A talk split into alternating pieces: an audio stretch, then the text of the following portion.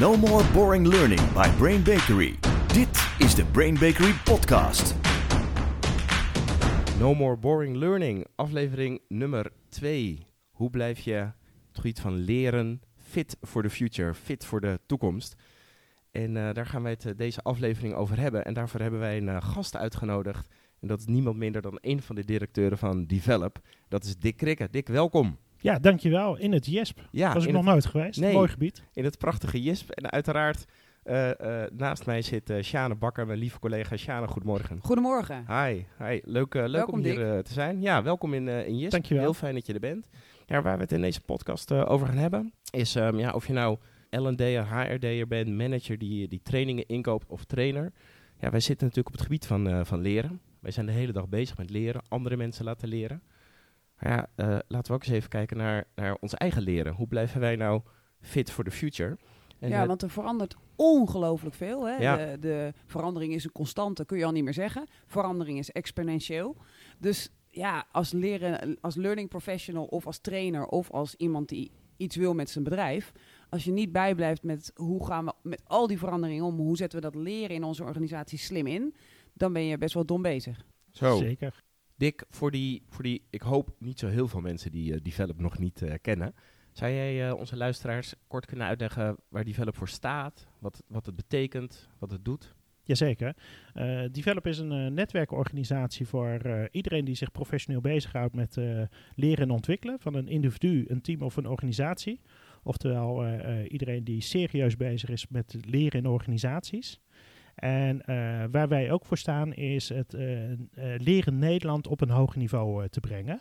En dat doen we door eh, 1300 betalende leden aan elkaar te verbinden en de discussies met elkaar over te hebben.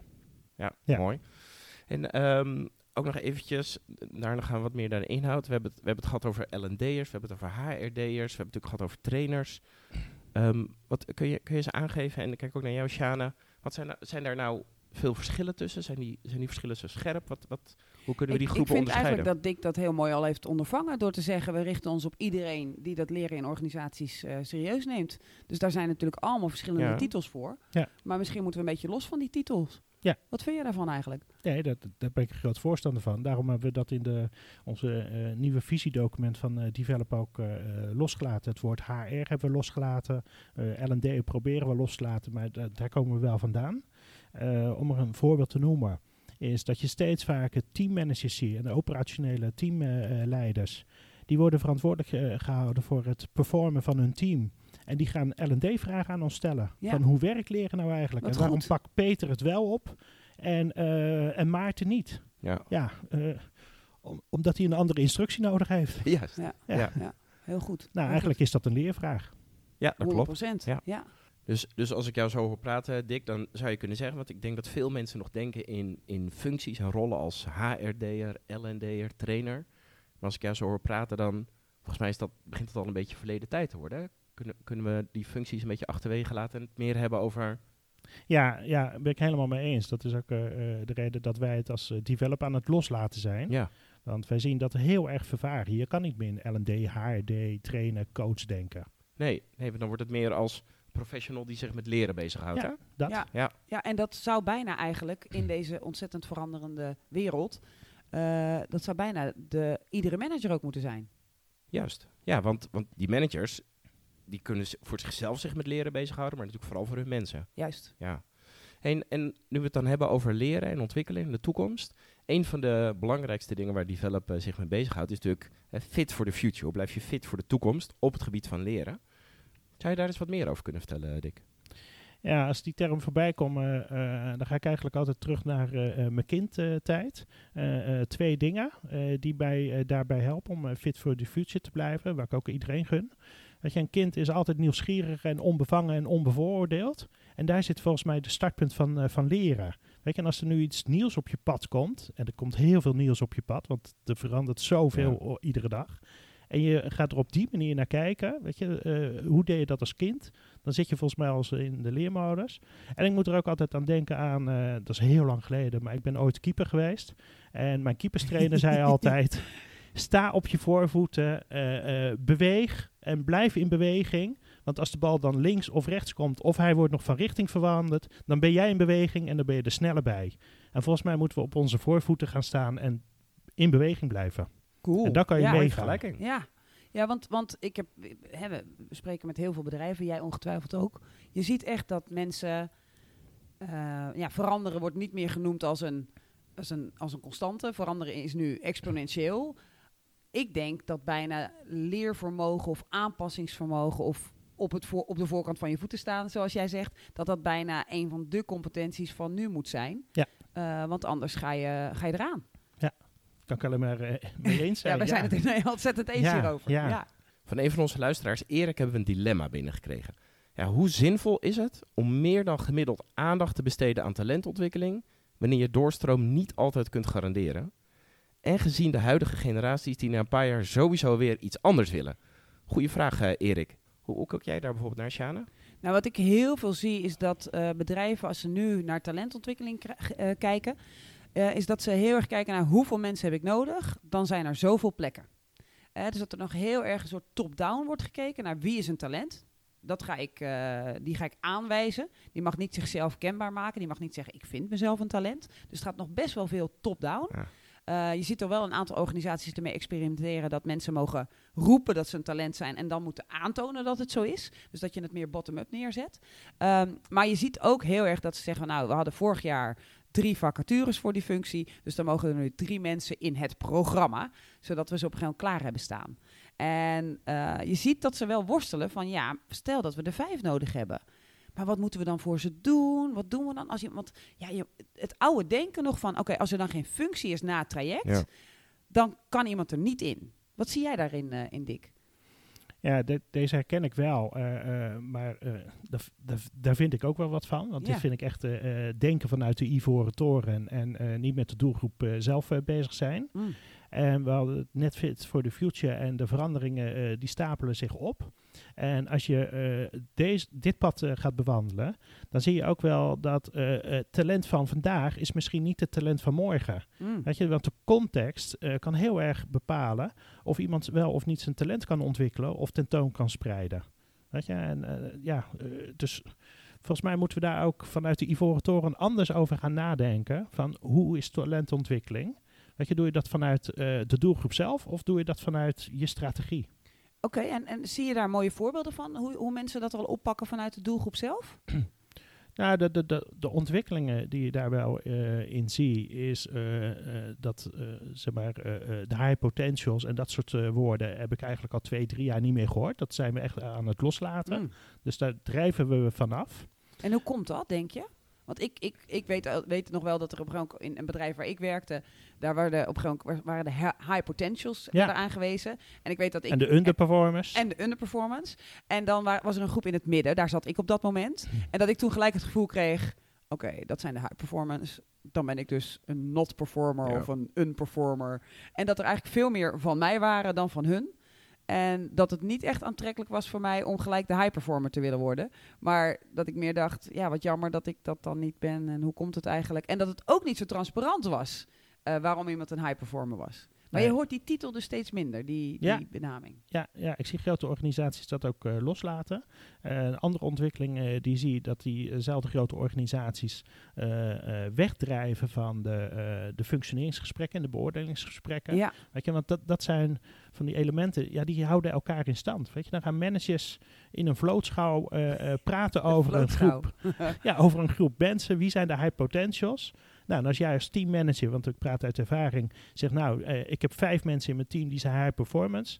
Dan zei HR, nee, dat kan niet, want er mogen er maar 20% in zitten. Ach, ja. Ja. Weet je, dus, maar gelukkig zijn we daarvan aan het afdrijven. Ja. En we kijken veel meer naar de individu. En, en vanuit eh, develop- en eh, leerperspectief, dan kom je ook veel eerder en dichter bij het gepersonaliseerd leren. En, en hoe ga je dan om, hoe gaan zij, die organisatie die jou dan kent, om met, oké, maar dan gaan ze dus iets leren, ze gaan een soort traject in, ergens is dat traject klaar. Wat als ik dan niet iets, iets volgens voor ze heb? Hoe, hoe, want dat is natuurlijk wat, me- wat organisaties nu tegenhoudt.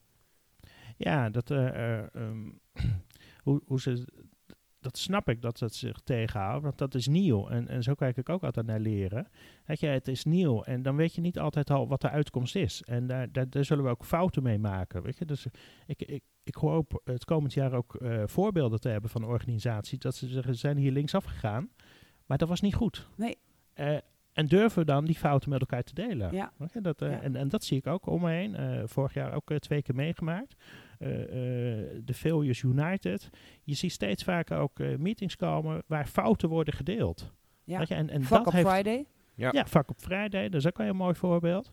Weet je, en en nou ja, dat hoop ik en dat is ook mijn visie. Laten we dat meer met elkaar delen. En de, en de weg die we moeten bewandelen, ja, die is niet altijd Ja. bekend. En daar is dit ook een voorbeeld van. Het ja, is en nog misschien niet is bekend. het denken van er moet dan een nieuwe functie zijn ook wel echt dat ivoren toren denken. Want het gaat Ja. niet over de nieuwe functie. Het gaat over kan ik meer aan?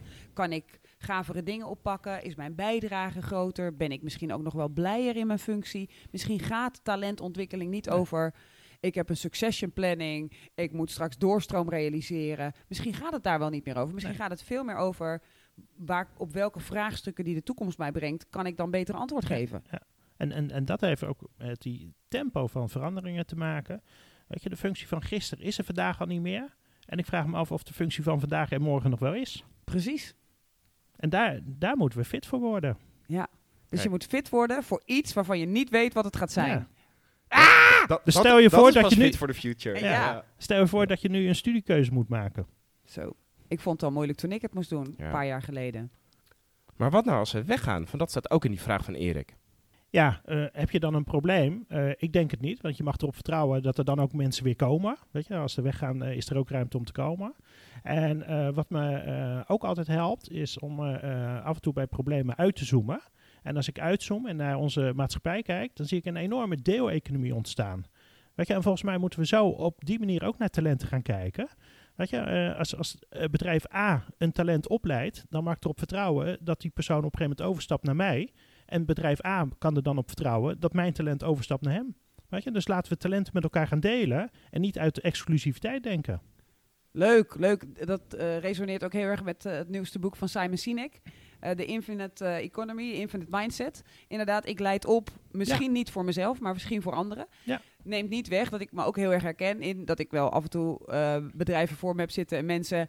Ja, dat was mijn grootste talent. Ik Ja. heb enorm geïnvesteerd en nu gaat hij. Ja, dat is natuurlijk... Sowieso blijft dat op een menselijk niveau altijd tragisch. Ja. Ehm, maar ehm, aan de andere kant gaat die persoon waarschijnlijk wel weg met in zijn hart of in haar hart. Wauw, ik ben daar opgeleid. Eh, wat hebben ze dat goed voor me gedaan? Ik blijf fan van het product, de dienst, whatever dat je hebt gedaan. Ja. Dat je aanbiedt. Dan heb je een heel goed offboarding eh, traject nodig. ja. Om toch maar weer even in trajecten te gaan denken. Ja. Ja, ja, goed, goed. Hey, we hebben nog een dilemma binnengekregen van eh, nog een luisteraar. Dat is Annemarie. En Annemarie vraagt... Past onze traditionele manier van organiseren met afdelingen en hiërarchie... wel bij de ontwikkelingen op het gebied van bijvoorbeeld lean of agile werken... en de verantwoordelijkheden laag in de organisatie? Ja, ik ben wel benieuwd. Hoe denken jullie Ja, daarover? ik vind het een gesloten vraag. Nee. Hoppakee, zo. Bam! Ja. Ja, nee. Wa- vertel waarom. Waarom nee? Maak ik hem open. ja. Waarom nee? Eh, weet je, en, en, ik denk dat heel veel organisaties, weet je, die hebben ook een, eh, een traditie en een verleden. Die kunnen niet via een big bang inderdaad in, in één keer de afdeling en de hiërarchie eh, los gaan laten. Ehm, maar volgens mij moet je wel gaan eh, bewegen naar inderdaad die multidisciplinaire teams, eh, eh, agile teams. weet je, en, en, en volgens mij moet je veel meer vanuit de, de, de opdrachten die er liggen of de vragen die er liggen, het juiste team bij elkaar samenstellen. En wie er dan in welke fase de eindverantwoordelijkheid heeft, ja, dat is volgens mij ook in iedere fase weer anders. Weet je? En, en, en in een brainstorm sessie kan ik me voorstellen dat bijvoorbeeld Sjane eh, veel meer haar leiderschapstalenten kan laten zien dan in een eh, fase als we tot uitvoering komen. Weet je? Dan, dan is het misschien juist een heel ander talent eh, wat, wat naar voren moet komen. Dus ik geloof ook niet meer in één leider. Dat vind ik wel een interessante. Niet meer in één leider. Hoe kijk jij daarnaar, Sjane?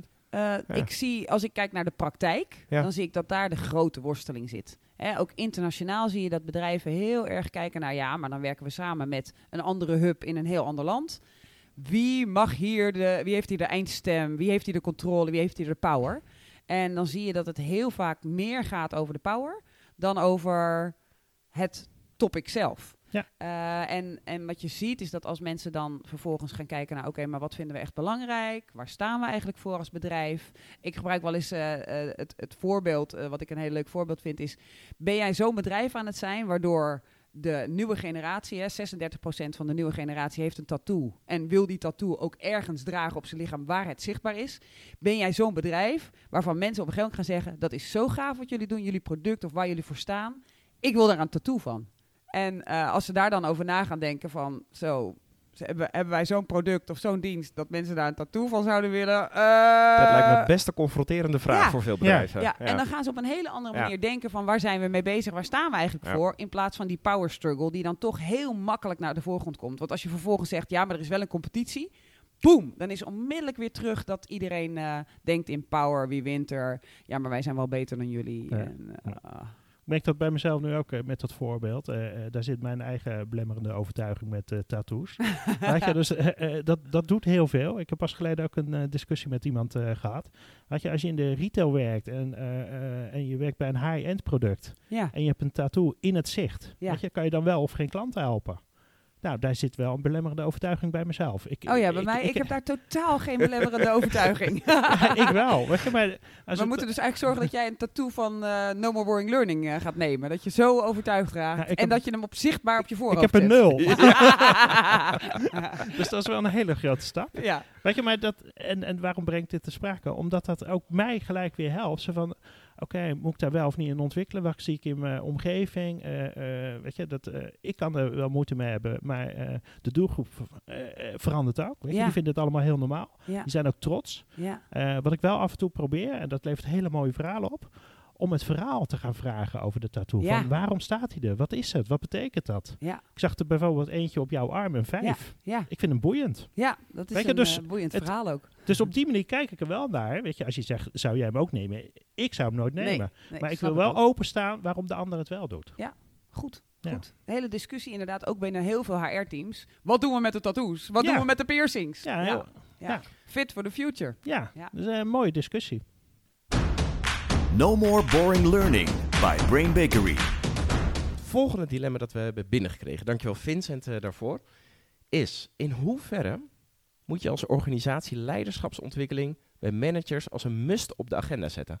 Of moeten we blijven sturen op self-directed learning en ons voornamelijk richten op de facilitering? En dan schrijft hij daarachteraan nog, ofwel mag je als organisatie consequenties verbinden aan het niet doen aan zelfontwikkeling door leiders? Zo, Ja, pittige vraag. ja. Ja. Ehm, ik vind sowieso, maar er zitten meer aspecten aan de vraag, maar ik vind sowieso dat je het volgen van een leiderschapstraject, dat dat een tegenstelling is. Het volgen van een programma, terwijl je je wilt trainen in leiderschapskills, dat gaat zo tegen elkaar in, dat vind ik sowieso al belachelijk. Ja, nee, eh, dat, dat vind ik eh, te zwart-wit. Eh, als het verhaal goed is, dan denk ik dat, een, eh, dat je best wel met de leiders eh, dat soort trajecten kan afspreken. Maar dat zie ik wel. Het verhaal wordt vaak gemist. Mm, En dat wordt de opdracht, je moet een leiderschapstraining volgen. Juist. Ja, dan is de motivatie weg. Ja. Als je niet weet waarom. En dan niet weet waarom. En dan wordt er wel een memo uitgestuurd. Maar die voelen mensen niet. Nee. En dus gaan ze braaf volgen. Ja, en de memo eh, ziet eruit, eh 40% heeft zich nog niet aangemeld. ja, Ja, ja, die dat, zie hè? je nog helaas veel. Ja, ja dus, dus wat Vincent vraagt is... Moet je juist programma's uitrollen... of moet je het uit zelfontwikkeling laten ontstaan? Programma's uitrollen kan wel, zeg je eigenlijk, Dick. Maar dan moet je heel goed uitleggen waarom je dat als organisatie doet. En daar heel veel tijd voor nemen en zorgen dat het echt Ja. tussen de oren zit. Ja. En dan mogen ze klasjes volgen. En dan als je, als je bij veel genoeg klasjes geweest bent, Dick... dan ben je ineens een Nee. leider. Nee, want dan, dan, dan gaan we eh, de traditionele wasstraten door. Ja, En hier geloof ik heel erg in gepersonaliseerd leren. ja, Maar door ook hele goede gesprekken mee met je doelgroep. Ja. Weet je, da- daar horen nou mooie coachgesprekken bij. Ja. Van leider, waar loop je tegenaan? Waar wil je sterker op worden? En wat wil je gaan loslaten? ja, heel En, goed. en daar moeten wellicht klasjes voor zijn, maar daar moet gepersonaliseerd leren op Ja, losgelaten Precies. worden. Ik, ik, ik heb inderdaad het minimale wat je zou moeten doen in zo'n, eh, in, als je dan toch voor een programma kiest, is dat er een groot deel of gepersonaliseerd is, En, en het andere wat je erin zou moeten doen is dat ze iets terug laten zien. Dat ze leiderschap nemen in iets. Ja. Eh, ofwel in een project of in een, in een eindpitch. Waarin ze laten zien wat zij als leider hebben geleerd. In plaats van dat door het te volgen heb Ja. je twintig vinkjes. Ja. Nu ben je een leider. Hoera. En, en weet je, dat is eh, eh, misschien een unieke situatie, maar dat vind ik altijd wel een, een mooi voorbeeld. Weet je, hoe gaaf is het als je die groep eh, dusdanig inzicht kan laten geven dat wat ik te ontwikkelen heb, dat dat jouw talent is. Ja. En dat wij dus een, een duo gaan worden. En wellicht eh, is het ook andersom, dat ik een talent heb waar jij weer van kan leren.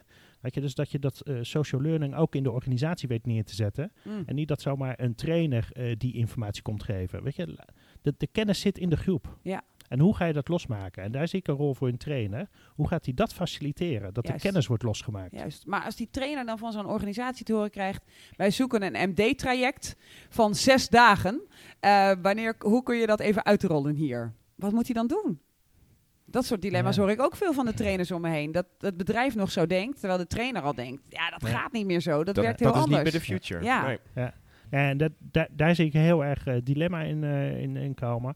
Eigenlijk moet de trainer dan in de rol van consultant eh, gaan Mm. zitten. En die moet heel erg het challenge-vragen gaan stellen. En, en die moet eigenlijk vragen gaan stellen die een beetje pijn doen. Eh net had jij een mooi voorbeeld dat jij aan een bedrijf vraagt van... Hebben jullie een product dat je daar een tattoo voor laat zetten? Mm. Weet je, dat is een hele pijnlijke vraag. Ja. Maar da- daar moet het wel over gaan. Dus je zou daarin eh, moeten gaan eh, uitdagen. Ja, Alleen ik snap ook wel, weet je, als, als eh, trainer, trainer of trainingsorganisatie, ja, je hebt ook financiële doelstellingen. En Ja. als het een MD-traject is van zes dagen met een mooi offertebedrag, ja. ja, wat ga je dan volgen? Ja, en, Ja, en ik denk ik- ik dat hem. Develop dan zegt, of Develop, zoals sommigen nog zeggen, dat die dan zegt, ja, word nou die consultant Ja. en maak dat bedrijf fit voor de future. In plaats van mee te gaan met de vraag die ze stellen en het geld te pakken, ga dan toch opvoeden. Ga dan toch, Ja, korte termijn, lange termijn. Ja.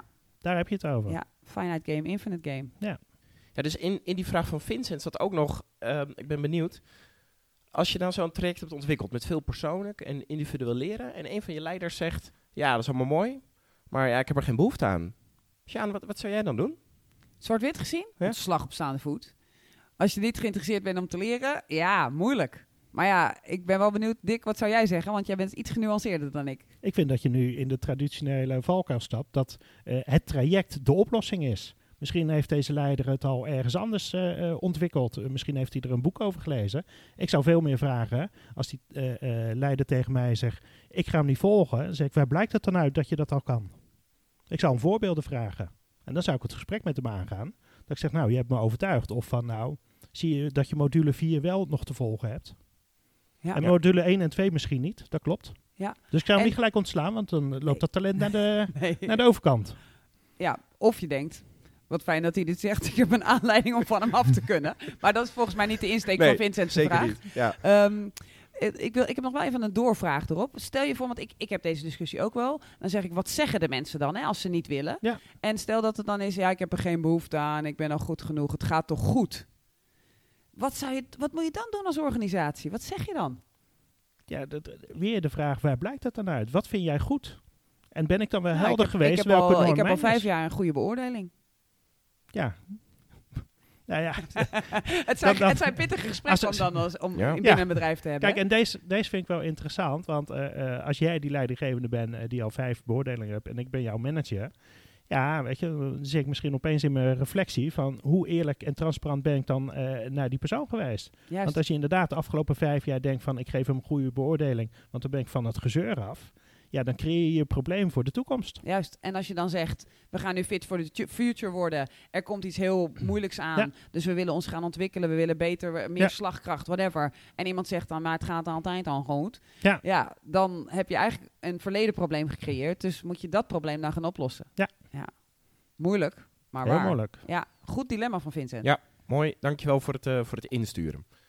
Dick, jij bent heel ervaren. Durf jij hier een vak op met ons te delen? Zijn er veel luisteraars? Ja, ja, ja wel. Nou, dan ga ik er toch eentje delen. Brain Bakery's Fuck Up van de Week. Hij is van een, eh, een tijdje geleden, maar eh, hij houdt me nog steeds eh, dagelijks eh, bezig als ik lastige vragen eh, krijg. Eh, dat is van een tijdje geleden. kreeg ik eh, de vraag om met mijn team een e-learning op te leveren. Moest snel opgeleverd worden en was voor een hele brede doelgroep. Wij zijn aan de slag gegaan. We hebben ook de deadline gehaald. En we hebben een fantastische e-learning op het gemiddelde opgeleverd. Alleen de doelgroep, mensen onder in het functiehuis, die zeiden dit is echt te lastig. En mensen boven op zolder in het functiehuis, die zeiden dik, we zitten nu op een kleuterschool. Dus ik had wel geleverd, maar een heel slecht product en niet fit for the future. Wauw, dank dat je dit uh, met ons wilde delen. Gaaf. Brain Bakery's Fuck Up van de week. Dick, ik ben wel benieuwd. Jij ziet veel. Wat is nou ook niet fit for the future wat jij ziet? En waar wind je je echt over op? Dat wil ik wel weten. Nou, de hol van de leeuw. Bij trainde traineropleidingen. Ik kan me heel erg opwinden over de traditionele trainers die uh, als ik binnenkom al op een flip-over hebben geschreven dat we om negen uur uh, ontvangst hebben en een voorstelronde. Kwart over tien uh, koffiepauze. En als we onze best doen dat we om half vijf de trein kunnen halen. Dan denk ik ook, oh, ik ben weer bij een trainer die zijn programma aan het afdraaien is. En ik vind dat trainers veel meer de facilitator moeten gaan worden. Juist. Juist, ja. In, in onze, goed dat je het zegt, ons programma heet inderdaad Trainer Trader. Maar in onze eerste les zit al iemand, wat je nooit meer mag doen, is het programma op een flip schrijven. Want iedereen valt gelijk in slaap. En we weten gelijk dat je een programma gaat afdraaien over ons heen. Wat geschreven is op de gemiddelde deelnemer. En dan hoop ik niet dat de laatste vraag is: welk cijfer geef je de trainer? Wat goed, dat is uh, de vorige podcast geweest. Die heb je misschien nog niet kunnen luisteren, want ik weet hoe druk je bent. Maar die gaat inderdaad over die traditionele acht. Oh dan, ga, oh, dan ga ik hem zeker luisteren, want daar kan ik me over opwinden. Ja, ja wij ook. Ik vul hem ook nooit meer in. Nee, heel goed. Heel ja, goed. Super. Goed, Dick en Shana, we gaan naar de afronding van deze podcast. Ik ben wel benieuwd naar de conclusies. JP, wat, uh, wat concludeer jij? Nou, aan het begin van de podcast vroegen we ons: moet je blijven investeren in ontwikkeling van je mensen? Nou, dat is geen vraag meer. mooie conclusie. Ik denk sterker nog bijna, als je een organisatie bent waar dat nog een vraag is, dan heb je in 2020 echt wel een probleem. En wat daar wel boven hangt, is dat je het vertrouwen moet hebben in de andere organisaties dat zij ook hun ontwikkelverantwoordelijkheid hebben genomen. Mooi, ja. Heel goed. Dan gaan we naar het einde van deze podcast. Dick, mag ik je hartelijk danken voor je aanwezigheid hier namens Develop, de organisatie voor learning en development hier in Nederland. Dankjewel voor je aanwezigheid. Dankjewel dat ik hier ook mocht zijn. Heel fijn. Erg leuk om te doen. Ja, mooi. Shana natuurlijk ook weer bedankt. Ik zie jou de volgende keer weer. Onze volgende podcast gaat over de onboarding. We gaan onze lessen delen. Wat doe je wel, wat doe je niet, waar is het nuttig voor? Dus we zien jullie graag weer in ons volgende podcast No More Boring Learning. En we staan ook stil bij waarom Japke D. onboarding tot het slechtste woord van 2019 heeft gekozen. En wat wij daarvan vinden. Tot de volgende keer. No More Boring Learning. Dit was de Brain Bakery podcast. Wil je meer weten? Kijk dan op brainbakery.com of volg ons op onze socials.